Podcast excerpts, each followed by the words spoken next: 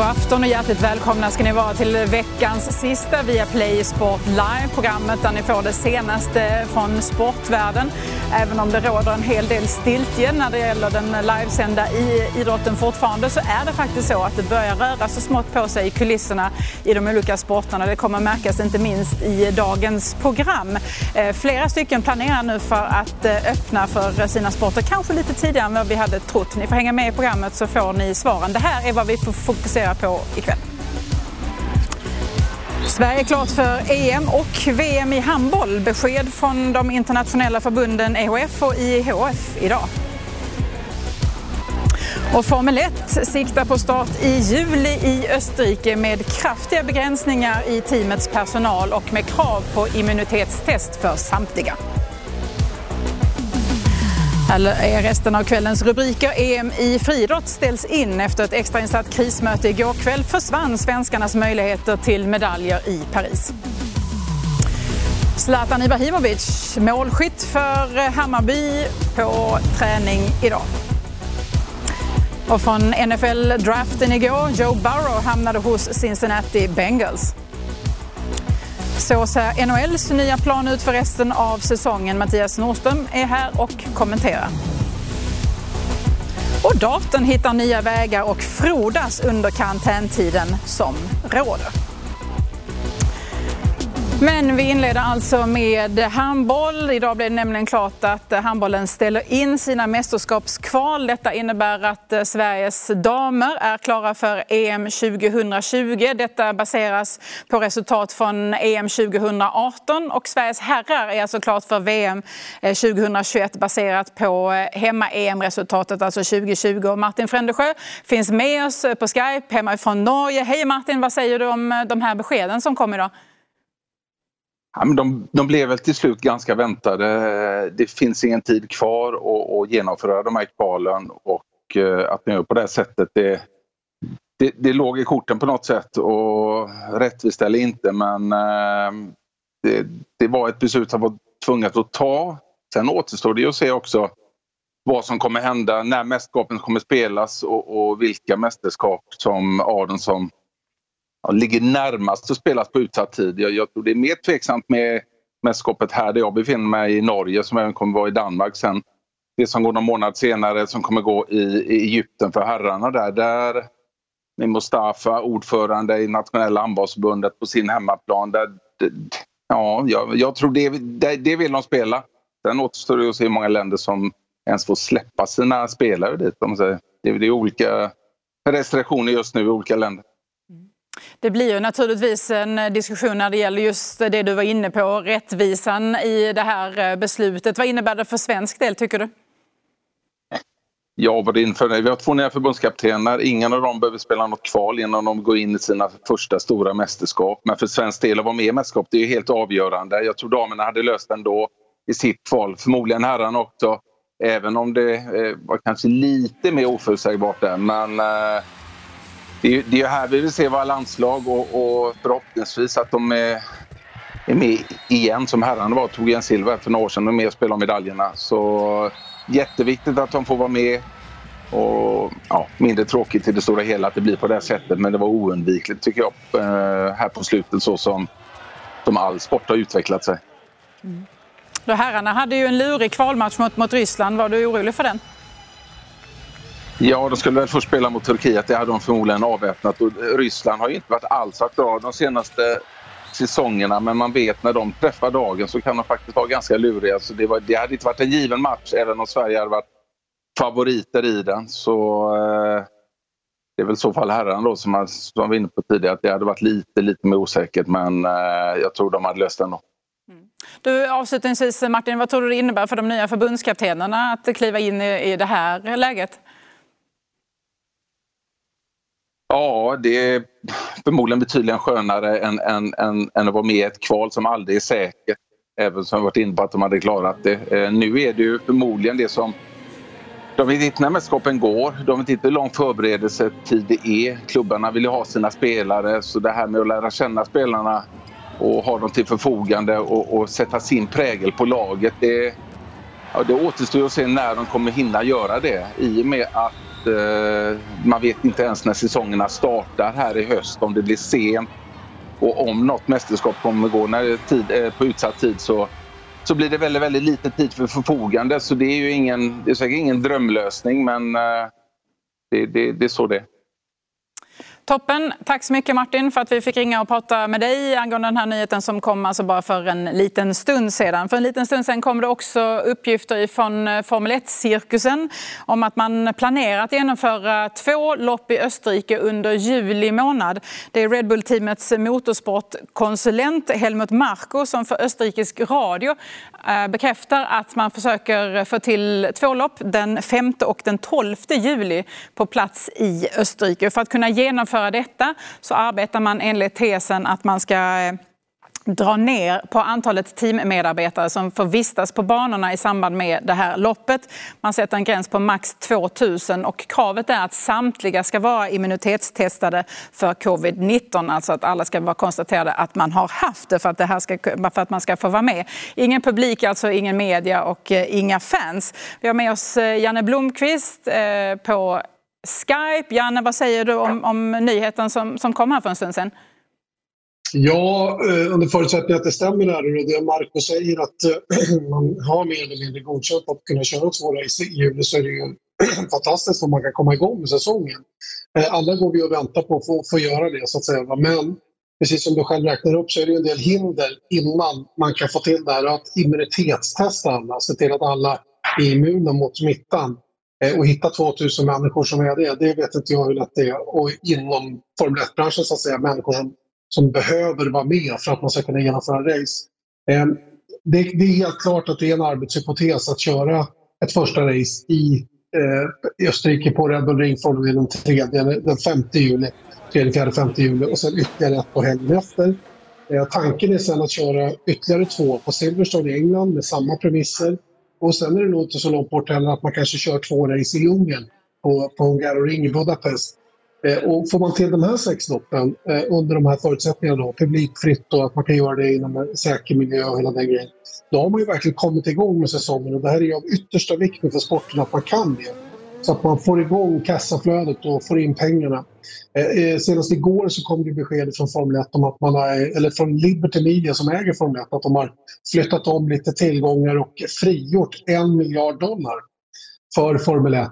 Och eh, Formel 1 har då börjat att betala ut till vissa team i alla fall förskott på prispengar och sådana saker. För att annars klarar de sig helt enkelt inte. Och det här visar ju på allvaret i situationen och behovet av att få sätta igång. Mm. Eh, men, men enligt de källor jag har i alla fall så, så, är det nog inte så långt bort att man kan få till en premiär i eh, Österrike på Red Bull Ring den 5 juli. Eh, och vi håller ju självklart alla tummarna för att det blir av. Mm. Hur bedömer du trovärdigheten till de här eh, uppgifterna, Janne? Ja, men det är ju så att Helmut Marko är ju en, eh, han är ju en tung person inom Red Bull-familjen och han skulle aldrig säga det här om det nu är så att han har sagt exakt som, som det är skrivet nu, att, att det är mer eller mindre klart. Om inte han hade täckning för det. Eh, så det tror jag, det, det är väl fortfarande lite myndighetsbeslut och sådana saker, att man kan leva upp till de här kraven då som är sagda. Eh, och jag har lyssnat med lite annat folk, andra källor också under eftermiddagen här och det verkar ju som att det finns rätt mycket substans i det Marco har sagt i alla fall. Mm. Du, är det rimligt att, eh, att sätta den typen av begränsningar också, max 2000 totalt på banorna i samband med lopp och att samtliga då ska, ska ha testats för covid-19? Ja, att de är testade för covid-19 och inte är positiva för smittan, det kan man nog lösa. Eh, att de skulle vara immunitetstestade, 2000 personer, det tror jag inte man löser. Eh, att siffran 2000 personer räcker till, det tror jag också. Man har sagt att ungefär 45 personer per team och det skulle då motsvara 500 personer då, eller 450 personer då, över de 10 teamen. Sen behöver man ju funktionärer och sen behöver man ju då naturligtvis tv-produktion och lite sådana grejer. Så man kan nog röra sig och, och, få till det här inom ramen för 2000 personer. Jag tror att det som krävs för att det ska gå att få till det är att man nöjer sig med att de är testade, alla kan lämna ett, ett papper på att man inte är smittad. Eh, och, då, och då skulle man få tillåtelse att komma dit. Då. Sen får vi se när man släpper på publik och övrig media och så vidare. Men det viktiga för sporten är att man kommer igång. Mm. Hur angelägen är du? Superangelägen, verkligen. Det här har ju varit helt värdelöst att gå så här lång tid nu utan att det kommit igång. Vi hade ju glömt att just stormlätten hade gått och väntat en hel vinter också innan. här hände. Så att det blev liksom tvärnit på mål på start, startlinjen, om man ska kalla det. Då. Så det, blev lite, det har varit jobbigt att ta itu med helt klart, mentalt. Men, men eh, det, det, är ju, det är ju så oerhört lite i det stora hela. Det är ju hälsoläget i världen som är det viktiga och det måste man ta hänsyn till såklart. Mm, visst är det så. Vi får se om det kommer igång här eh, under juli månad. Flera uppgifter kommer säkert kommer komma här under helgen. Janne, tack för att vi fick eh, ringa upp och eh, prata med dig. Vi slår därmed över till fotboll och de rubriker som Hammarby idag har skapat när man spelade en träningsmatch eller intern match eller, eller var det bara träning på Tele2 Arena med Zlatan Ibrahimovic i ena laget med tv-kameror på läktaren och med domare på plan. Tvärt emot Anders Tegnells rekommendation prestationer, Eller? Ja, så här säger Hammarbys eh, sportchef Jesper Jansson om matchen. Vi kallar det inte internmatch. Vi, vi kallar det, vi, vi tränar liksom. Eh, och vi har lite startat sedan tidigare lite för att hålla upp motivationen att vi har en, en liksom intern tävling kan man säga, där vi i olika spelformer som vi har hållit på med ett tag. Eh, och idag var det då 11 mot 11 spel, vilket vi gjort eh, tidigare också. Med tanke på situationen just nu med coronaläget, eh, gick diskussionerna på något särskilt sätt inför just dagens träning då som ni säger? Nej, det, det gick inte, inte förhållningsregler och sånt utan vi ser det som en träning. Men sen så i och med vi har en viss uh, Zlatan tränande och så, så, är den, den, stora skillnaden är väl att, vi, att eh, Discovery ville sända matchen och, eh, eller träningen och eh, då höll vi den på Tele2. Annars hade vi varit på vår vanliga eh, träningsanläggning Årsta. Nu är ju rådet från Folkhälsomyndigheten att eh, försöka undvika närkontakt så gott det bara går. Något som ni då inte gör idag. Hur ser du på det? Nej, men det gör vi. Det, där är ju en väldigt svårt att förhålla sig till för det, det gör man inte i, i träning heller. Ehm, vi är väldigt noggranna med, med eh, allt från handhygien och distansering i, i ombyte. De flesta spelarna byter om hemma. Vi har delat upp att eh, här på vår träningsanläggning och håller de reglementen. Sen ska man bedriva en, en träning och det tror jag det ser ut likadant på, på, på alla ställen där man då håller träning. Det är ju att ibland så blir det någon närkamp. Den, den är väl eh, kan man träna fotboll så blir det någon närkamp. Vi försökte idag till exempel att vi, vi skulle inte, som vi gör på träningen, vi sätter igång bollen fort eh, på fasta situationer och eh, försöker inte få de klungbildningarna. Så samtidigt så är, är vi eh, en frisk trupp eh, och eh, det är de som rör sig i vardagen som vi har med i, i, i dagens träning. Ja, det var fotboll det om en liten stund så ska vi tala NFL-draft med de här killarna, eh, Magnus Dahlborn och eh, Filip eh, Minja. Men först så ska det bli friidrott för igår kom beskedet att det Europeiska friidrottsförbundet ställer in EM i sommar. EM skulle ju ha genomförts i Paris i augusti men vid ett extrainsatt möte igår tillsammans med franska myndigheter så tog man alltså beslutet att ställa in mästerskapet och vi har förbundskapten Karin Torneklint med oss på Skype. Karin, hur, hur känner du efter det här beskedet igår?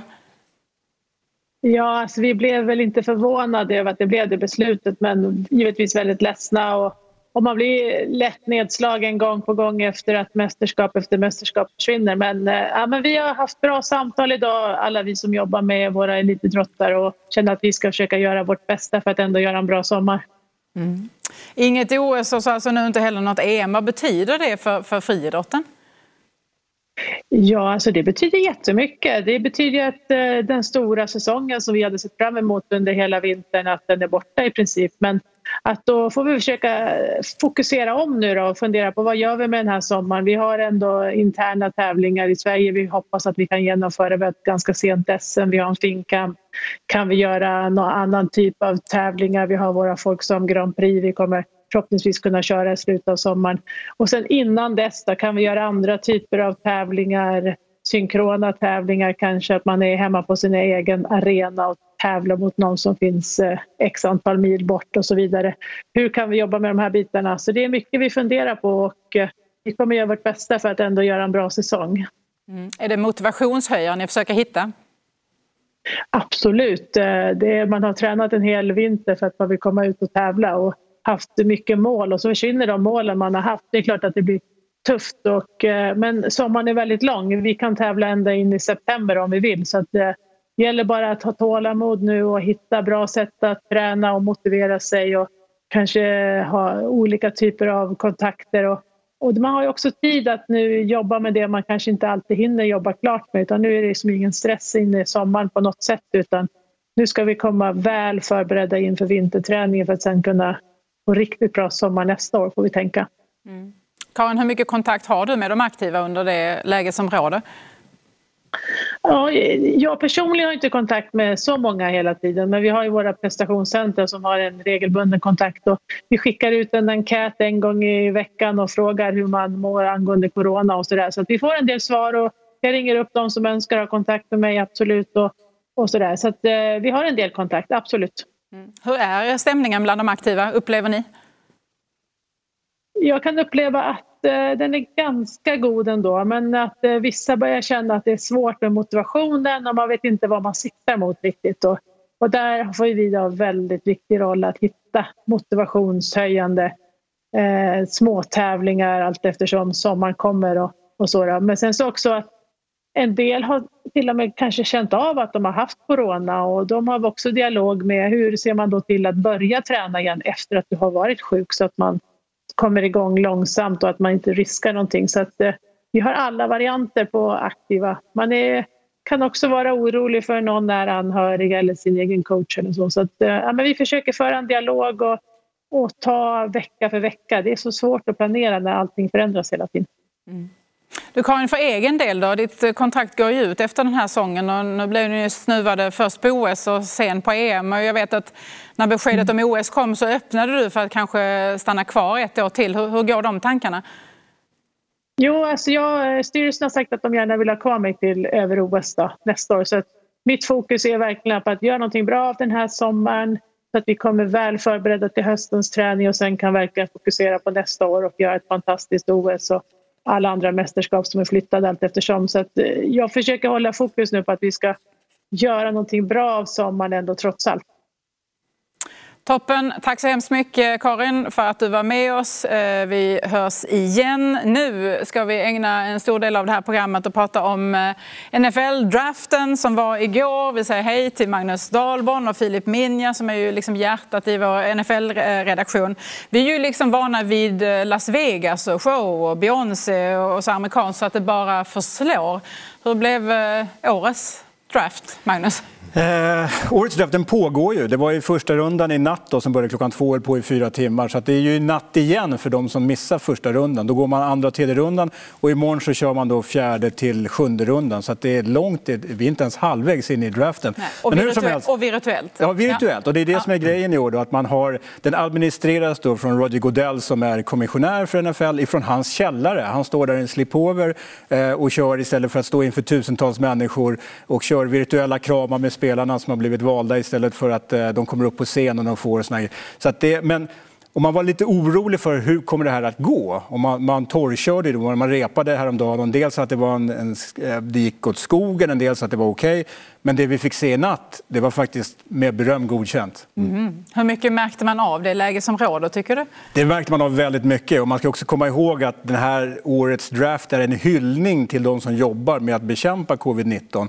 Det är en hyllning till eh, Röda, amerikanska Röda Korset, till Frälsningsarmén, Meals on Wheels. De har samlat in, jag tror de samlade ihop 25 miljoner dollar var, var i natt på, på pengar som de fick in eh, på såna fundraising under draften också. Så att mm. det, det är klart att det satte en stor prägel på det eh, general managern i New York Giants som satt med, med munskydd också. Så det var ju lite speciellt. Och fick ju memes på det också, att det smittade inte via draften här. Men, men han gjorde det för att visa att mm. det var ett statement från hans sida. Mm. Hur viktigt är det att man genomför den här draften ändå? Hur viktigt är det för både lagen och för college-spelarna? Ja, det är ju absolut otroligt viktigt och att NFL har varit tydlig med att man vill behålla sin kalender, man vill inte bromsa ner det här och att kunna genomföra den virtuellt var ett väldigt snyggt sätt att liksom ta stegen för att försäkra sig om att processen kommer kunna genomföras tryggt och säkert. Och det här är otroligt viktigt för spelarna som har förberett sig så pass länge redan från high school och sen blir draftade in till NFL. Och det är liksom ett drömögonblick. Alltså liv förändras och det påverkar hela säsongen som kommer och sommaren och förberedelserna. Så otroligt viktigt. Och det är bara att ta sig till NFL är otroligt svårt. Det är ungefär 80 000 college-spelare som spelar. 1,6 procent av dem kommer till NFL. Alltså 256 blir draftade, ja. ungefär 300 får kontrakt efteråt. Och varje årskull, om man går, går ännu längre bak, börjar på ungefär drygt en miljon. Mm. Och då sållas de av liksom längs vägen. Och det är en otrolig resa. Och för de här spelarna liksom, som har gjort den här resan, att få bli draftade och ha den här drömmen gå i uppfyllelse, är otroligt fint och viktigt. Och det är otroligt häftigt för fansen att få med och komma ännu närmare spelarna, följa dem i sina vardagsrum. det var verkligen en succé. Vi tar och tittar på eh, hur det såg ut i draften när eh, första picket var. Well, we all knew this was coming. Doesn't make it any less powerful. Joe, you were in Nashville last year for the draft. If I had said to you then, you're going to be number one overall in 2020, what would you have said? I would have told you you were crazy. You know, I knew I was going to have a really good season because I knew, you know, we had really good players coming back. I had great coaches um, and we were going to re- work really, really hard to do it. But to, to jump up to number one overall is is crazy to me. Um, but it's a it's a dream come true. Mel Kiper shared earlier that going into last season, he had a sixth round grade on you, but then you won the Heisman, a national title, you're number one overall. How do you process that? Well, I did. I wasn't very good my junior year. You know, it's pretty simple. I, I worked really hard to get better. All my guys worked really, really hard to get better, uh, and we and we just gelled as a team this year to to do exactly what we did. We weren't. I mean, I just wasn't as good as I was my, my senior year, um, but I worked really, really hard to improve. Tell us what the area code represents on your shirt. Seven four zero. Oh, this is you know Athens Athens County area. Um, I wanted to to get something to you know represent my home area, my hometown, and, and Nike made this for me. It's been great. Um, I just want to show as much appreciation to this area as I can. Joe, congratulations, number one overall. Thank you. Ja, här ser ni då topp 10 som det blev i draften. Listan ser ut så här med quarterbacken Joe Burrow alltså som, eh, som nummer ett högst upp. Var det väntat? Väldigt väntat. Lite kul där, vi kan dra parallellen med svensk friidrott. Det är alltså samma universitet som Armand Duplantis går på. Mm. Louisiana State University som har ett väldigt bra friidrottsprogram men de har ett ännu bättre amerikanskt fotbollsprogram och det är ännu större där borta. Men att han gick som nummer ett, det var knappt spelbart. Nej. Nej, instämmer otroligt bra säsong sista året på LSU. Över ungefär 60 touchdowns. Otroligt pricksäker. Vinner då liksom årets spelare i college och vinner mästerskapet. Eh, det var väldigt självklart och man var lite orolig. Cincinnati Bengals är en organisation som man inte riktigt vet vad man har dem om man ska vara helt ärlig. Men eh, det här landade fint och nu har de verkligen en spelare för framtiden och mycket kul att se fram emot. Lite, lite kul här också med, det är mycket som är kul här, men, men, men, att han är ju då uppvuxen, hans pappa var ju amerikansk fotbollscoach, han pensionerade sig eh, för ett år sedan för att kunna följa den här säsongen han hade på LSU, för att kunna gå på alla matcher. Han har själv varit upptagen under den amerikanska fotbollssäsongen. Men han, är, han coachade Ohio University som ligger i Athens, Ohio. Eh, och där är ju då Joe uppvuxen. Och nu blir han då draftad till ett lag som ligger i Ohio, så han är ju nästan på hemmaplan. Det är en bit från Athens, Ohio till Cincinnati, men de ligger i södra Ohio. Så det är också en liten grann, en twist på det här. Ja, men verkligen. Och då är det mycket fans och folk som har följt honom hela vägen. Mm. Otroligt fint. Eh, och de var en väldigt spännande draft och en jättebra topp 10 tycker jag. Mm. Tvivlarna vet jag säger att eh, han har bevisat eh, mycket, fast på väldigt kort tid. Att om man går tillbaka ett halvår tiden mm. så var det knappt någon som visste vem han var. Mm. Att, han, att man kanske hade velat se liksom lite mer kontinuitet på hög nivå. Vad, vad säger ni om, om den aspekten? Ja, det finns både, alltså, både ja och nej. I amerikansk fotboll liksom är också väldigt idrott. What have you done for me lately? Eh, om du kan prestera på en väldigt hög nivå, på den högsta fotbollsnivån i college och vinna de här priserna, eh, det säger sig självt väldigt mycket.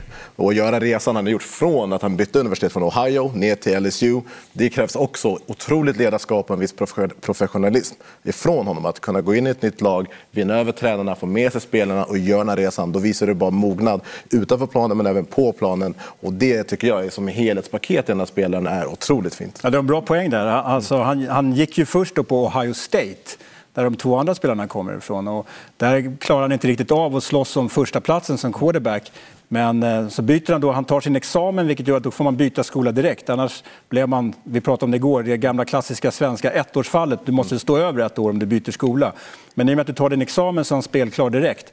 Och eh, han gjorde ett fantastiskt år i LSU. Mm. Det är väl ändå det som, det är väl det som räknas. Ja. Även om, precis du är inne på, belackarna säger att han har bara gjort ett bra år, men mm. det räcker. Mm. Hur ska man då eh, hålla det som eh, quarterback gentemot sådana där som, som draftas kanske lite längre ner och som får växa in i rollen där? Ju Tom Brady är Ja, absolut. Och det är det man säger. Skolboksexempel. Ja, men verkligen. Och det är verkligen, idag så är det nya krav på spelare. Du ska bli draftad högt, kunna komma in och prestera direkt. Och liksom, den här anpassningsperioden är nästan borta för de här typerna av spelarna. Du är duktig, du spelar på hög nivå, det här är förväntningarna. De som går längre ner hamnar bakom någon som är lite mer rutinerad och du får tid på dig att lära dig. Och den vägen är absolut mer skonsam och du kan liksom kontrollera förhållandena på ett helt annat sätt. Och du vet, här är ett bra läge att släppa in quarterbacken och nu har vi liksom en bra chans chans på att han kommer ha en positiv utveckling ifrån de här förutsättningarna.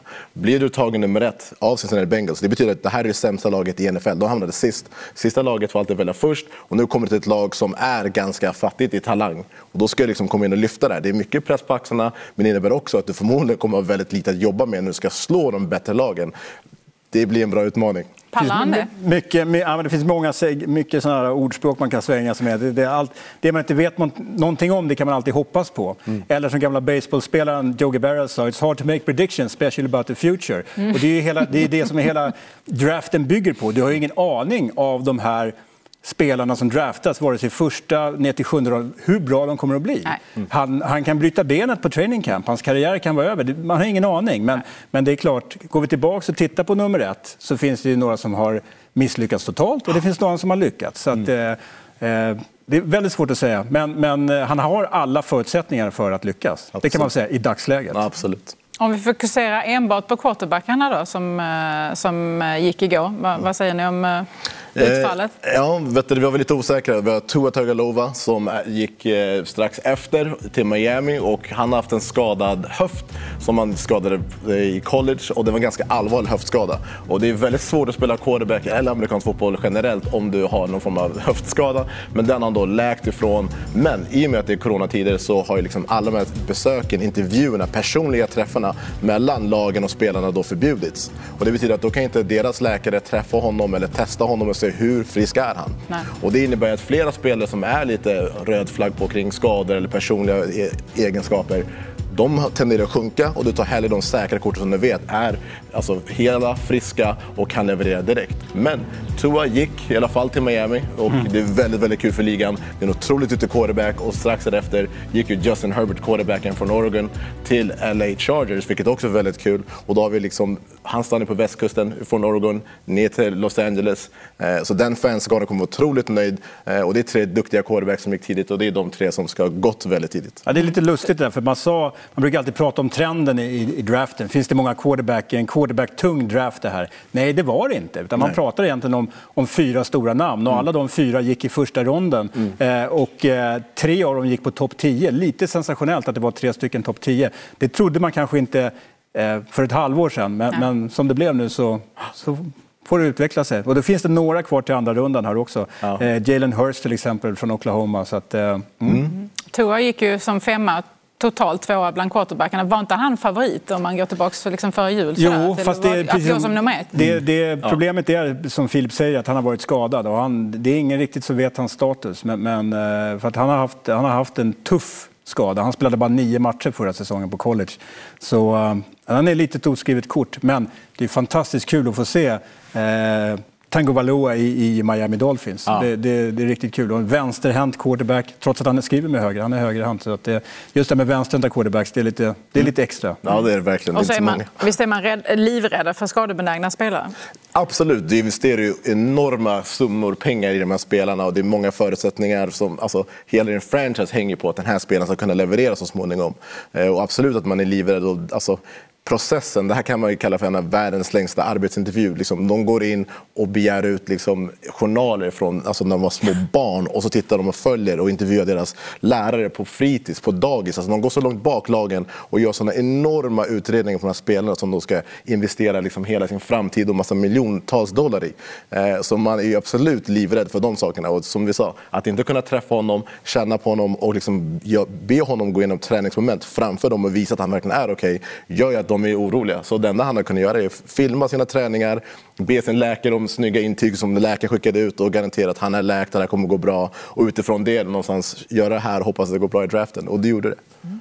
Det blir att man fokuserar väldigt mycket på topp 10 naturligtvis men vi vill ju förstås också eh, lyfta upp det som, har, ja, det som hamnar utanför fokus eh, topp 10. Vad har de missat, eh, Filip? Ja, så det som inte har missats också, vi pratar just om quarterback, men mm. något som fått många i USA att lyfta på ögonbrynen är att Jordan Love, en quarterback, togs av Green Bay Packers. Green Bay Packers gick alltså upp i draften för att ta den här quarterbacken. Och Green Bay Packers, för de som inte vet, har en otroligt duktig quarterback i någon som heter Aaron Rodgers. Aaron Rodgers ersatte tidigare Brett Favre, en annan Hall of Fame quarterback. De här två spelarna är båda Hall of Fame quarterbacks, Aaron Rodgers och Brett Favre. De har 28 säsonger tillsammans totalt i Green Bay Packers. Bara vunnit två mästerskap och det är faktiskt nästan kriminellt. Det är så otroligt dåligt med tanke på den talangen och kontinuiteten de har på den viktigaste positionen i amerikansk fotboll. De vann 13 matcher förra året, förlorade semifinalen, var en match ifrån att gå till Super Bowl. Okej, okay, du behöver slå San Francisco 49ers, du behöver ta dig närmre det laget. Du behöver ge din quarterback passmottagare, olika offensiva anfallsspelare. Vad gör man då? Nej, vi tar en kille som inte kommer vara på planen. Han kommer vara backupen till killen som redan är på planen. I det läget, jag förstår att man tänker långsiktigt för framtiden, men det här ser riktigt, riktigt dåligt ut. Och det skickar en signal, återigen, till den här spelaren, Aaron Rodgers, som har ungefär tre år kvar på att fortsätta prestera väldigt bra. Att vi kanske inte riktigt uppskattar dig. Och de har man gjort gång på gång i draft och han har fått kämpa med väldigt dåligt material runt om sig. Och nu var det verkligen, vi är väldigt nära. Vi vann så här många matcher och så gör man det här. Eh, jag har vänner som har ringt mig, hört av sig och alltså, det är från, jag spelade fotboll i Wisconsin. Det är kaos. Eh, och när de går ut på Twitter och säger välkomna våra nya spelare, kommentarsfältet är inte positivt.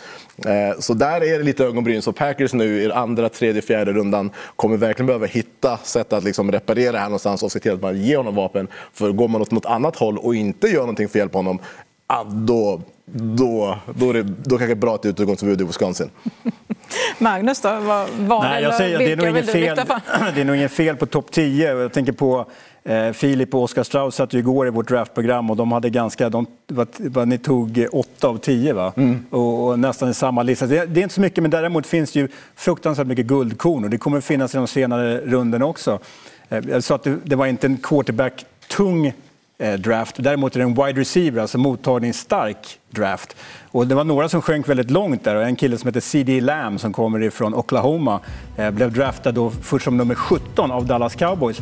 Dallas Cowboys kan man undra vad ska de med en mottagare till, men det här är alltså en kille som är riktigt, riktigt vass som wide receiver. Han har bra händer. Han kanske inte har mött det tuffaste motståndet på college i och med att han spelar i Oklahoma. De spelar i en conference som heter Big 12. Inte lika bra som Alabama och LSU. Men eh, här, han kan bli någonting riktigt extra. Sen får man se var Dallas plockar in honom någonstans. De har skrivit nytt kontrakt med Amari Cooper, eh, en annan wide receiver som de har. Men att, att Dallas kunde ta någon som är 17 det, är, eh, det graderar jag som nummer A. Mm. Ja, instämmer. det var också en kväll eh, där eh, Roger Goodell var i stort fokus. Kolla på det. It's a draft tradition and one that I genuinely enjoy. Let's hear from you right now. Oh, come on, guys. You can do better than that. Let's go. Oh, Strahan, come on, let's go. Come on, you guys can do better than that. All right, keep it coming.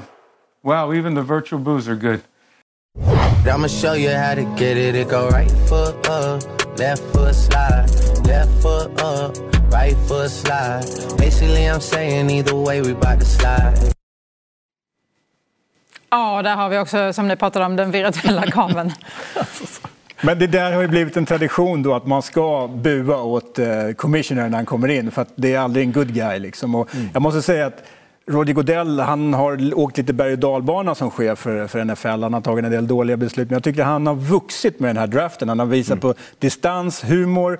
Han har varit allvarlig när det behövs att vara allvarlig. Jag tycker mm. han har skött det här riktigt, riktigt bra. Mm. Ja, instämmer. Fansen kommer närmare och han bjuder på sig själv och som du säger visar en annan sida just nu eh, som många faktiskt inte har sett tidigare. Och jag tror att det har gynnat honom och NFL väldigt, väldigt mycket. Mm. Avslutningsvis då, om man pratar om säsongen, den är ju ganska långt bort eftersom den nu brukar starta i september. Jobbar man ändå på parallella spår så att säga för att vara beredd om det är så att eh, den här pandemin drar ut eh, på, på tiden inför det, det, det är helt övertygad om att man gör, men det är ingenting man säger officiellt. Den officiella hållningen är att it's business as usual. Ja. Eh, och det rullar på nu med vi pratade också om det innan vi gick in i studion, här, jag och Filip, att NFL är väldigt intelligenta att hitta på saker som sker under hela... Det är en ganska kort säsong egentligen, det är fem månader. Men man är väldigt bra på att hitta aktiviteter under de här sju månaderna. Det är en combine, man testar de bästa college-spelarna.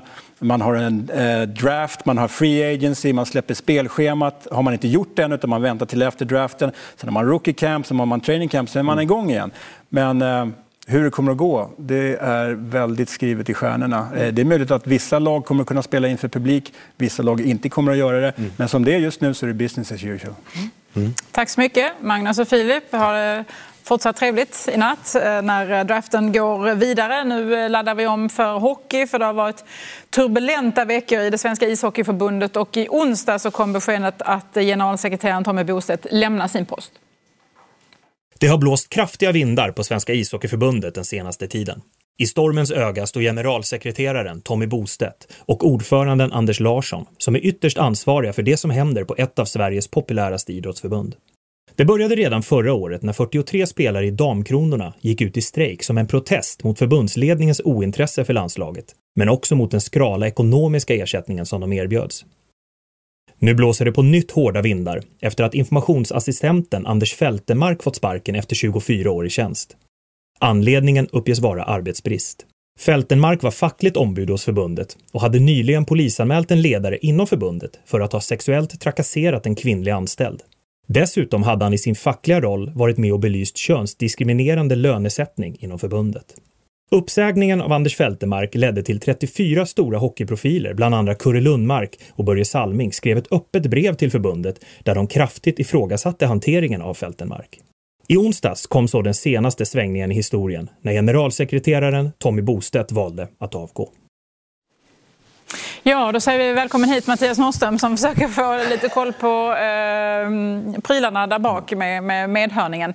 Eh, vad säger du först och främst om den turbulensen som har eh, ja, men skakat förbundet den senaste tiden? Här? Ja, det har ju verkligen skakat förbundet. Jag tycker att det blir fokus på fel saker för förbundet. De ska ju föregå med ett gott exempel till övriga hockey-Sverige och ledare på ett snyggt sätt. Så att eh, det uppdagas många tråkiga saker, framförallt då, ja, för hockeyns skull och hur det reflekterar på hockeyn och förbundet. Mm. Hur skulle du kommentera just det senaste då, att Tommy Bostedt väljer att avgå som generalsekreterare? Ja, men jag vet inte så mycket när man blir då de här tuffa frågorna och ifrågasatt. Och Tommy har varit där lång tid och då att man väljer att kliva ifrån då. Därför eh, jag, jag kan förstå varför han gör det. Mm. Förvånade dig att han valde att lämna? Eh, nej, inte riktigt. Jag tror också en kombination att Tom har varit i den här positionen i många, många år nu på för, förbundet och först för landslag och sen eh, som eh, högst ansvarig för det. Så att, eh, nej, kanske också var dags att göra något nytt. Mm. Hur har hans tid som generalsekreterare varit, tycker du? Det har varit väldigt bra. Jag tycker eh, Tommy har infört väldigt många bra saker i svensk hockey. Saker som var efterfrågade om eh, hur allting från eh, ungdom, juniorprogram fram till landslaget där det var ifrågasatt många gånger varför kunde vi inte ta det sista steget på då i VM-finalen mot nationer som Kanada, att vara bäst när det gäller. Och den kulturen tycker jag Tommy verkligen införde i Hockeyförbundet. Att man höjde nivån på att vi verkligen höll på med en elitidrott till ytterligare ett snäpp upp. Mm. Det började egentligen våsa om eh, förbundet redan i höstas mm. när Damkronorna valde att gå ut i strejk därför de kände att förbundet inte eh, bemötte dem med den respekten som, som de ville ha. Och sen har det på det kommit en polisanmälan om sexuellt ofredande, en facklig anmälan om eh, diskriminering när det gäller lönesättning inom förbundet eh, och så fick Anders Fältenmark sparken med hänvisning till, till arbetsbristen. Hur, hur, hur tror du det påverkar synen på Hockeyförbundet i Sverige? Ja, det gör vi lite. Vi har ju sett där under hösten också när det var tränare hur man hanterar saker. Att man säger att okej, okay, varför hänger de inte med i utvecklingen i övriga då, i samhället? Man belyser vad, vilken typ av ledarskap, hur hanterar man frågor, vad sker bakom stängda dörrar? En, eh, att man inte har den här öppenheten, transparensen som för mig är det, det är så, det måste bli så. Det är modernare att vara så. Därför vi har ju redan innan förutom det här med förbundet, även eh, i NHL med coacher. Det var det gamla gardet med eh, Babcock som då eh, var tuff. Och då säger man det var den gamla ledarstilen. Och då tycker jag man har ju sett några såna röda flaggor på vägen. Och då att man kanske inte har tagit upp det utan man fortsätter att säga att ja, men vi gör saker som vi alltid har gjort det. Det är det jag tycker lite av de här indikerar att man inte är tillräckligt lyhörd på att förändring måste ske. Mm. Vad skulle du vilja se ska ske nu för att på något sätt vinna tillbaka lite förtroende som förbund? Det är, en jätte, det är en svår fråga, men jag tycker ofta man kan göra... Om det blir att eh, man, många frågor stannar inom en liten grupp eller hos en individ så kanske man ska ha flera roller på förbundet som då måste rapportera till varandra, att man eh, upplever utifrån att det är en större öppenhet på hur man hanterar frågor och att, man, eh, att en, en person som har eh, mycket information räcker inte utan det måste vara flera, kanske två, tre som har samarbetar så att man upplever också utifrån att det är öppenhet. Mm. Så man ska inte ersätta Tommy Bostedt rakt av? Är det så jag ska tolka det jag, jag har inget förslag, jag vet inte Nej. hur förbundet tänker, men om man säger därför det är, det är många frågor som hamnar på ett bord. Om, man, om det får hamna på flera personers ansvarsområde då, som måste då kanske rapportera emellan, då kanske man också kan upptäcka sånt här innan det blir ett problem. Mm. Har du någon person som du skulle vilja se ta över som generalsekreterare eller vara en del av det? det nya? Nej, inget namn eh, där jag kan säga ja det här tror jag skulle passa perfekt. Det beror ju på att, eh, därför det tycker jag ändå ska lyfta. Tommy Bostad har gjort fantastiskt mycket för eh, för hockeyn i, förbunden. Men då ska man säga att han har gjort det mesta och det bästa jobbet, det tycker jag, juniorutvecklingen och sen tagit då, säg, landslaget, herrarnas landslag till ytterligare en nivå. Mm. Men det är ju så många andra frågor som förbundet också ska representera. Så att, eh, nej, jag har inte en person som jag ser kan täcka alla arbetsuppgifter. Vi lämnar den svenska hockeyn där och fokuserar på NHL istället och hur man ska kunna slutföra årets säsong. Och vi ska lämna över till Jonathan Lindqvist för några ord ifrån svenska proffs. Ja, Okej, okay. ska gissa, gissa på 9 juli. Oj, tidigt. Ja, jag, tror, eh, jag tror det blir oktober alltså. Mm. Jag gissar på slutet av juli. Mm. Hur, eh, det är ju snack om att, om att lägga det någonstans, New Hampshire var på tal, men någonstans är det under kontroll och sånt där. Hur skulle ni se på ett, på ett sånt alternativ? Att ha liksom en spelort där man kanske får vara mer eller mindre isolerad medan ett slutspel pågår? Jag känner väl någonstans att, eh, alltså är, det, att eh, är det ett alternativ så, så hade jag också velat göra det. Alltså, sitta still här, det, det är inte jätteroligt och det är inte kul för någon med liksom, vad som händer just nu. Så att jag hade kunnat dra igång som vanligt igen och så hade det, det varit det bästa. Mm. Känner ni samma? Ja, alltså det, Alltså jag, jag, vet faktiskt inte. Det är så jäkla svårt. Alltså det, ska man spela slutspel så är det liksom... Det är den stämningen man vill åt också och liksom publiken runt omkring. Men eh, samtidigt så lär man ju försöka sätta sig i den här situationen och, och göra det bästa av det. Men eh, så är det ett alternativ så ja, det kanske får bli så. Mm. Ja, jag tror i slutändan det är ju bara... Man vill ju spela hockey och fansen vill ju se hockey på TV i alla fall. Så jag tror om man kan få in någonting så här utan fans så kommer man nog eh, vilja göra det till slut. För nu pratar vi ändå, vad blir det, hela, hela maj, hela juni också. Då är man nog rätt sugen på, på att spela en match även om det är utan fans. Mm. Mm, så lät det där. Klingberg var kanske inte jätteoptimistisk till att eh, slutföra den här säsongen. Det återstår ju onekligen en del matcher, inte minst eh, de slutliga omgångarna för dessutom slutspelet. Det, senaste budet gör ju gällande då att man skulle försöka dela upp det på, på tre till fyra spelplatser och på, på något sätt eh, göra ett World Cup, att man spelar tre matcher om dagen. Va, va, vad tror du om det förslaget? Jag tror det är ett av många de jobbar på. Varför inte? Om man säger, jag vet om vi tittar flera år tillbaka, 15 år sedan, då pratade man om det här Stanley Cup-slutspelet för den oinsatte, inte så hockeyintresserade. Då var det så här, sju matcher, bästa sju i varje runda, en final, bästa sju. Där pratar man om lite Super Bowl. Mm. Är det det som kanske kan eh, hitta en ny publik? Så att jag tror att det är bra att man tittar på hur kan vi lösa den här situationen, att man får då väldigt intensivt på ett par orter. Det är inte helt fel. Sen tror jag att varför man kommer fram till det är ju inte riktigt att det sportsliga är primärt, utan det är att hitta bara en lösning där man pratar om att i en arena kan man se till att tv-media har möjlighet för bra produktion, mm. att lagen då att de ska efter varje lag flyttar ur omklädningsrummet ska rengöra för att eh, risken och smittspridningen fortfarande. Så att jag tror eh, upplevelsen som inte är på tv den eh, har de ju inte satt i första rummet utan det är mycket att det praktiska fungerar, ska mm. fungera. Mm. Vad talar emot ett sånt här förslag? Alltså, vad kritikerna, vad tycker de? Nej, men alltså, vad är deras argument? Jag? inte, jag tror alla är väldigt försiktiga att vara kritiska mot formatet utan kritiken kommer liksom att hur kan ni ha tagit det så här långt i planerna innan vi ens liksom, vi har ett större perspektiv. Folk dör där ute. Hur länge ska det här pågå? Men ni sitter och planerar. Men eh, jag, jag, tycker om man ger NHL lite beröm så har de varit duktiga både på sin hemsida, sociala medier och verkligen hela tiden om man säger viftat med handen och säger vi är här, vi tänker, vi är proaktiva, vi gör nya scenarion. Men de är tydliga med att vi kommer viktigast av allt är att folk Eh, är skyddade så att vi gör bara en plan för om saker blir bättre och annorlunda. Mm. Enligt ESPN så är ju arenorna som man initiellt talar om är Carolina, Edmonton och Minnesota. Och man ska då ha valt ut dem bland annat genom att ta hänsyn till de minst drabbade områdena mm. Eh, som finns.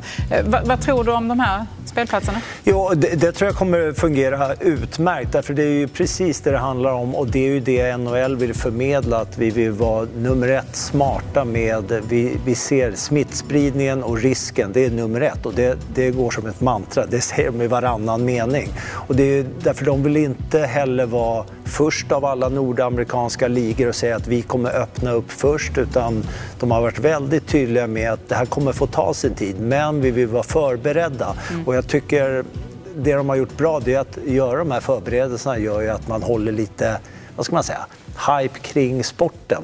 Därför de, eh, de vill inte erkänna det själva, men de tävlar ju mot amerikansk fotboll, baseball och basket som är tre större sporter i USA och Nordamerika. Så att de är lite sådär framme och säger vi tänker till, vi är beredda ifall det här är möjligt. Men de är väldigt mycket ifall det blir möjligt. Mm.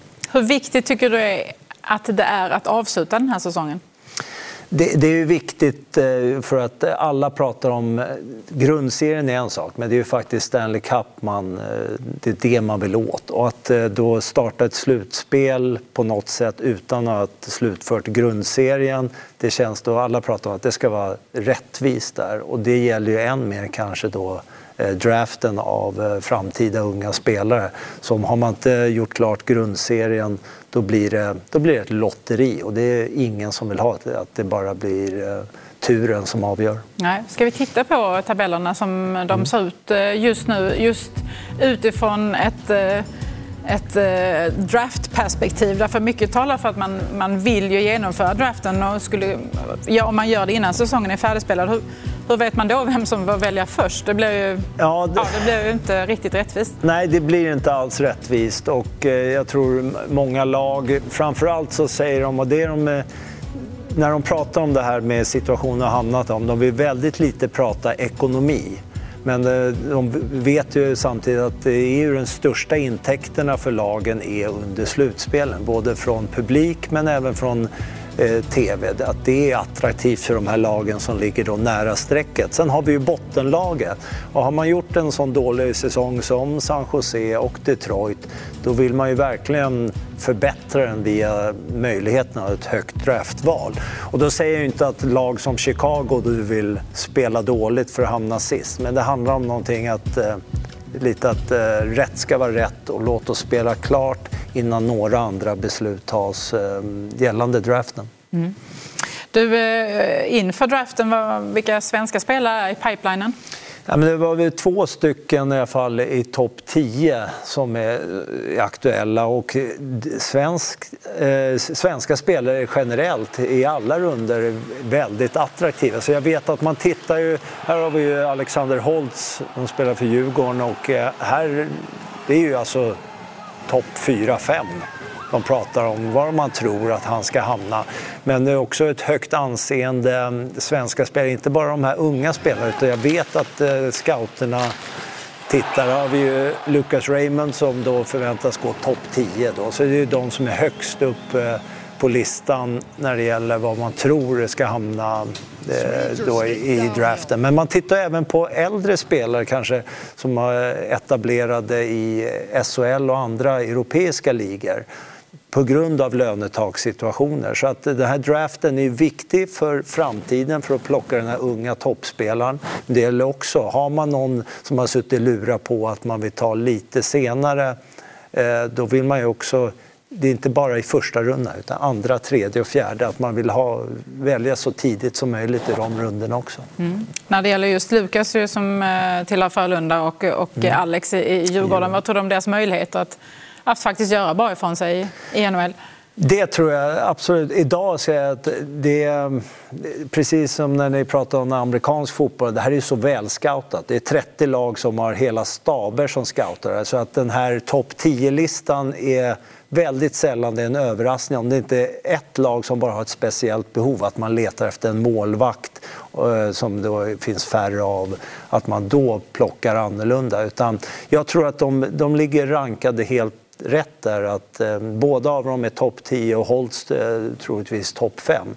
Helt korrekt. Och sen så eh, är det ju det här, vart är det laget? Och det kan vara väldigt viktigt för killarna själva. Vad blir förutsättningarna dit jag kommer?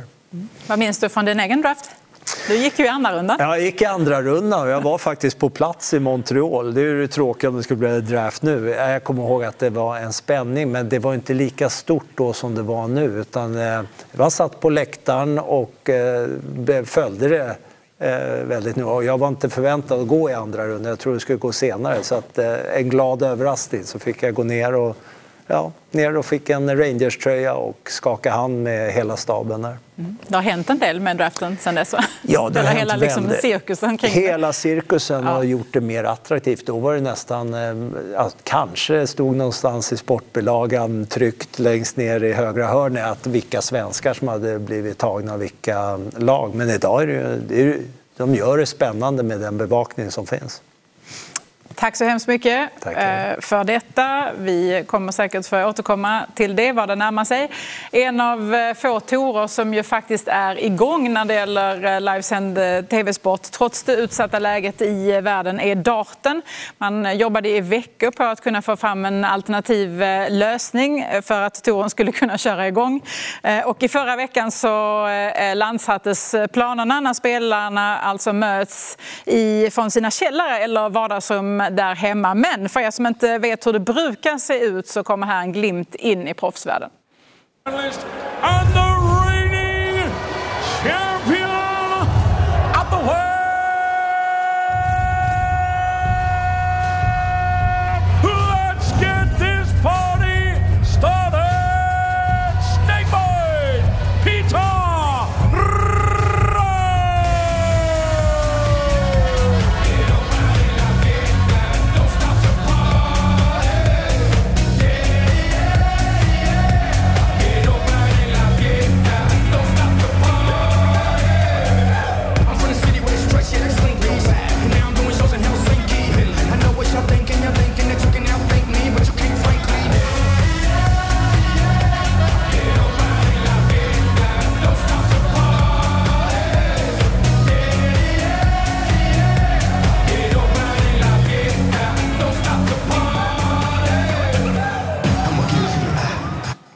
Ja, så där kan det se ut på touren i dag. Det ser ju väldigt eh, speciellt ut. Eh, Peter, välkommen hit. Tack så mycket, roligt att få vara här. Ja, saknar du det när du ser det så här? När man ser det så saknar man ju det. Ja, förstås. Eh, för den som inte riktigt är insatt hur det fungerar i idrott på, på proffsnivå, hur skulle du beskriva det utifrån arenor och stämning på plats och, och publik och allt? Ja, det är en väldigt stor eh, folkfest kan man säga i publiken. Liksom. Väldigt stor publik som man går upp och spelar för. Och ta sig dit är en ganska lång och tuff väg. Ja. Det handlar om att skramla ihop så mycket världsrankingpoäng som möjligt för att kunna kvala in. Liksom. Mm. Vad är den vanligaste missuppfattningen eller fördomen som du, du har stött på när det gäller, när det gäller datorn som, som internationell sport? Det är väl att den kan förknippas med, med alkohol. Mm. Du, hur, hur, skulle du säga att konkurrensen är mellan er eh, kollegor eller konkurrenter som ju reser runt med den här cirkusen? Den är stor. Den är väldigt stor. Det är en väldigt hög konkurrens. Det är det absolut. Du, du la av 2017. Eh, hur skulle du själv se tillbaka? Hur, hur ser du tillbaka på din, på din aktiva karriär? Ja, alltså jag bestämde mig för att jag ville göra någonting innan jag la pilarna på hyllan. Sådär. Så att, um, jag ville har varit med i landslaget och får representera Sverige. Så då tog jag reda på vad som krävdes för det och sen började jag liksom träna jättemycket, åka ut och spela nationella tävlingar, internationella tävlingar. Och sen så fick jag vara med i landslaget, eh, debuterade i Nordic Cup och fick vara med och vinna guld tillsammans med övriga herrarna i landslaget. Då var det 20 år sedan Sverige vann guld i i Nordic Cup, så det var jätteroligt. Och är idag är herrlandslaget regerande nordiska Cup-mästare. Så. Mm.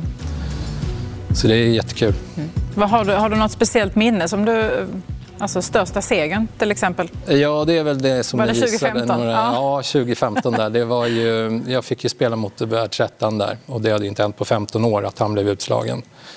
Eh, och eh, det är väl ett minne till historien. Mm. Vad, bet vad betyder den segern? Alltså, du slog ut första sidan James Wilson. Va ja. Vad gav den segern i, liksom, alltså, i uppmärksamhet? Det, det, det, blev väldigt stort. Ja, det, det, blev mycket större än jag kunde föreställa mig. Liksom. Det, det var så oväntat. Och det finns en liten rolig berättelse kring den här matchen. Eh, jag var ju väldigt nervös innan. Jag blir alltid väldigt nervös innan jag ska tävla. Och Eh, då var det någon som sa att bara du inte blir kissnödig där så går det säkert bra. Och då satte sig det i huvudet så jag tänkte liksom, herregud, hur ska jag lösa det? För vi har ingen break. Liksom. Man brukar ha breaker i sådana här långa matcher men vi skulle spela vår match rakt av. Så att jag frågade då arrangören, är det okej okay att gå på toaletten? Eh, nej, utan se till att ha gjort det innan. Och då frågade jag lite om reglerna. Liksom, vad händer om jag måste göra det? Då har jag tre minuter på mig innan jag... Så, då, då sa han, men vänta jag ska gå och prata med tävlingsledaren. Så kom han ner och så sa han då liksom att ja, men, vi förstår din situation. Vi, vi, vi har ordnat så att du säger till Kolen då, som är domaren att du säger liksom bathroom break. Mm. Så kommer han liksom ropa till publiken att det blir en break så kommer en par vakter upp och eskorterar dig till toaletten och tillbaka så där. Eh, men jag behövde inte gå på toaletten. Men sen när jag skulle titta på matchen själv så fick jag ju höra eh, att de hade missuppfattat och säger då att jag var inte 100 procent. Och jag led av en urinvägsinfektion som var så pass allvarlig så jag hade fått tillstånd att lämna scenen när som helst under matchen. Så det var liksom bara...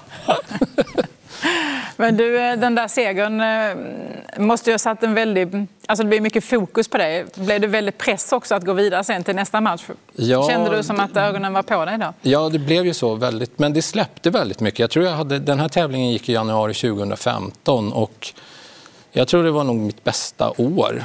Jag vann väldigt mycket det året. Jag blev eh, svensk mästare också för första gången liksom, i, i SM och kammade jag hem där. Så det, det flöt på väldigt bra. Det var som att ja, bara man klev över den där tröskeln. Liksom. Ja. Du, hur, hur, mycket förändrade den segern synen på dig? Jag tänker från publiken och från andra motståndare och, och från media. Ja, det är svårt att säga. Jag vet inte hur de tänker och sådär. Men det, jag blev utsedd. Eh, jag, blev nominerad, eller jag vann eh, årets utmärkelsepris av Stockholms dartförbund för de tyckte att jag hade gjort ett fantastiskt internationellt jobb och promota darten. Alltså. Mm. Men jag vet också att jag har läst att, att engelsmännen till exempel var Det kanske inte stämmer det jag läste, Jo, men ja, att, jo, att de blev de- liksom, eh, såg dig som en av folket Jo, på något sätt det blev som kunde så. göra det omöjliga. ja, det är ju intervjun därefter som blev väldigt stor. Alltså, jag kvalade ju in till den här tävlingen och var en väldigt outsider och gick in och, och vann den här matchen. Eh, och första set, liksom, han verkligen dominerar och de säger ju, eh, kommentatorerna, att eh, det här ser ju ut att bli den snabbaste knockouten i den här tävlingens historia. Sen vänder jag och vinner och det var ju helt ofattbart. Så när jag står där och liksom blir intervjuad så det är så mycket känslor som ska ut på samma gång. Så jag säger det liksom att ja herregud, jag har ju, jag har ju spelat det här så mycket liksom, men det är väl första gången du är med? Ja, men alltså Emma i vardagsrummet när jag liksom fantiserat om det här och nu är det på riktigt. Ja. Så det blev liksom att många såg att ja, fan det funkar ju liksom bara man ger sig fan på det. Man behöver inte vara en av de där som är nu de bästa, utan alla börjar någonstans för att ta sig dit. Liksom. Och det var ju min resa då. En av våra svenskar som är ute på touren och som ska igång i eh, början av maj via PDC Home Tour är eh, Daniel Larsson. Här ska vi få se på ett inslag med honom i action. Nu ska jag visa er mitt dartrum. Det här som jag lägger mycket av min träning så att jag kommer i bra form till touren. Där framme har jag darttavlan. Här har jag en tjock matta som fungerar som en kant så att avståndet blir rätt också. Jag tränar väldigt mycket över nätet. Eh, då använder jag en webbkamera och en skärm. Sen finns det olika program som man kan träna vid. Och då gör att man ser motståndarens tavla och motståndaren ser min tavla. Eh, den här, det här kommer jag använda också under PDC Home Tour. Som visas här på Viasat Sport. Kolla gärna mina matcher den 9 maj.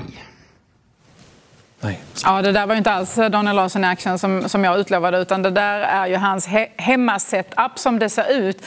Det är ju nämligen så att man jagade ju lösning för att kunna komma igång med touren och eh, till slut så valde man ju då att, eh, att ha sån här hemmasetup som matcherna spelas alltså ifrån eh, spelarnas vardagsrum eller källare eller vad det nu kan tänkas vara i det som alltså kallas för PDC Home Tour. Och vi ska ha med oss eh, Daniel Larsson via Skype nu. Hej Daniel!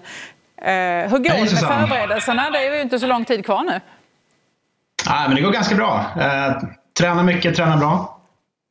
Så Ja. känslan är på topp. Ja, det låter utmärkt. Du, vad säger du om det här initiativet man har tagit med den här typen av lösning för att få igång spelet?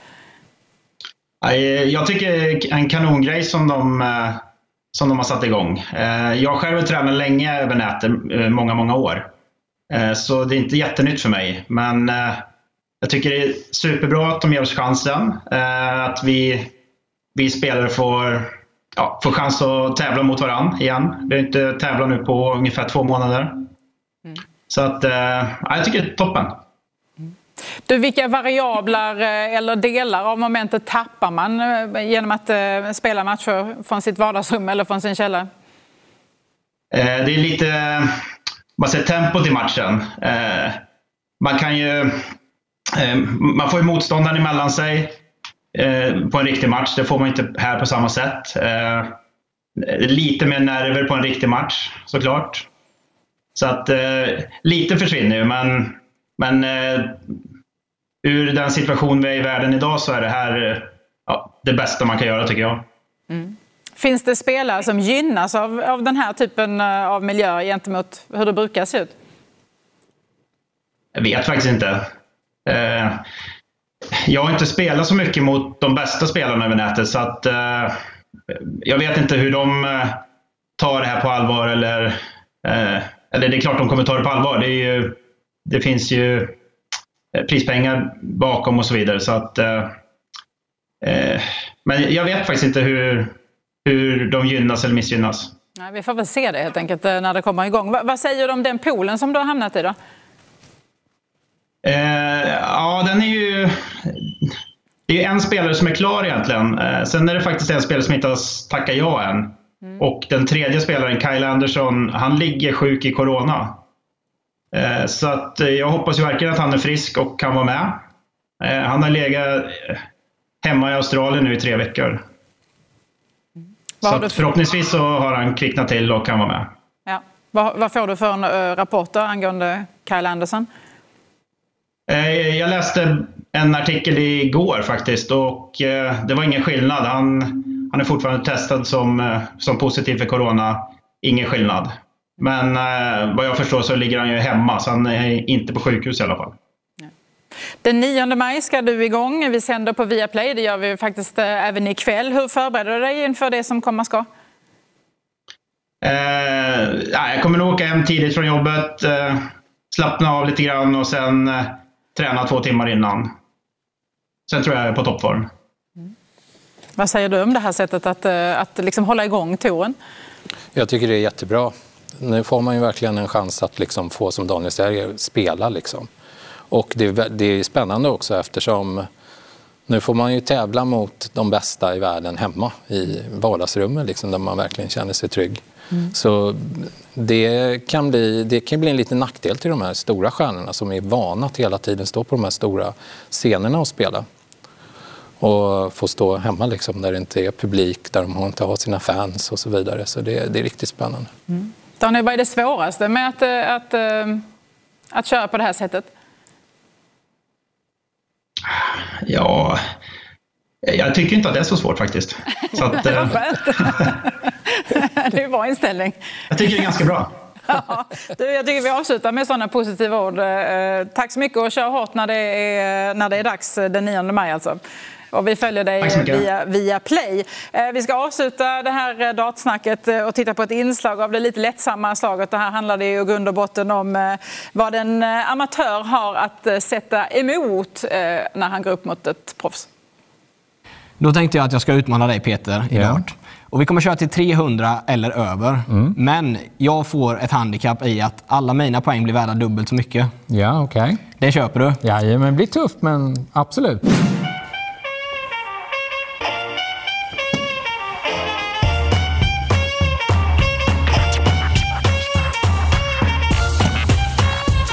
Fyrtionio.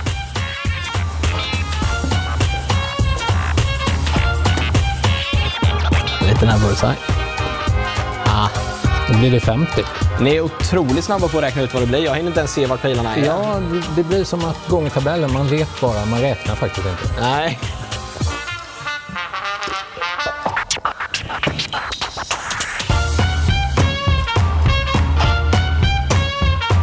Då har jag 109.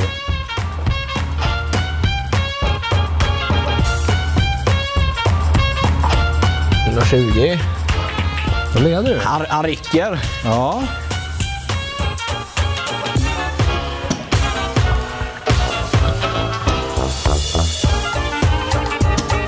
...204. Känner att jag får lite, lite bättre sikte ändå. Säger han och kastar en tvåa. Nej! Det är sånt som kan hända ibland med data, att bilen kan studsa ut. Och då får jag inte poäng för Då får man tyvärr inga poäng, utan du får bara poäng när du plockar ut pilarna själv från tavlan efter kastomgången.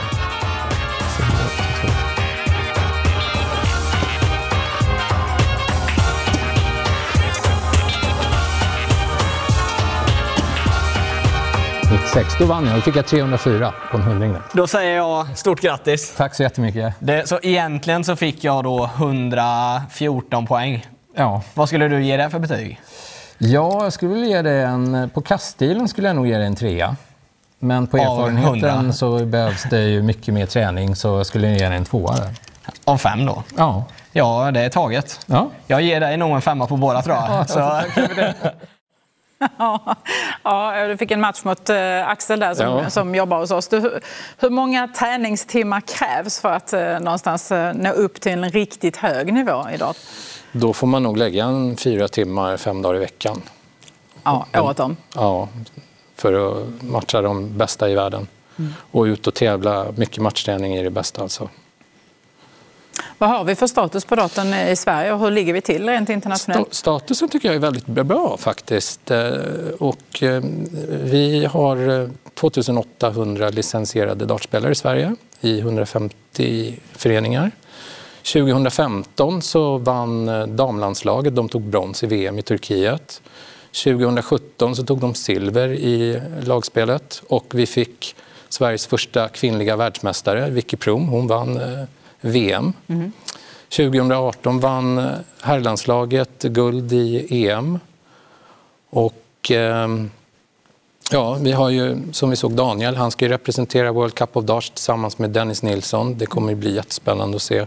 Vad tror du om Daniels chanser där? Jag tror att de är enorma. Han har alla möjligheter som finns. Liksom. Så det kommer smälla ganska bra.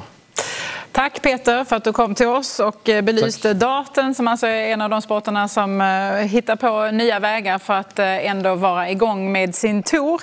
Ni följer alltså darten ikväll men det finns mer naturligtvis. Vi vill gärna påminna er om nostalgimatchen ifrån Premier League. Ikväll väntar Manchester City mot Everton på Viasat Sport Premium och på Viaplay klockan 19.30. Och så kan ni alltså följa dart i världsklass lite senare genom PDC Home Tour klockan 20.30 i Viaplay. Missa inte det. Det är det sista vi eh, bjuder på härifrån. Nu önskar vi fortsatt eh, trevlig fredagkväll. Tack för i afton och eh, på återseende. Trevlig helg! Ja, det gick ju bra. Gjorde det? Gud, jag blev så nervös. Jag fick liksom inte...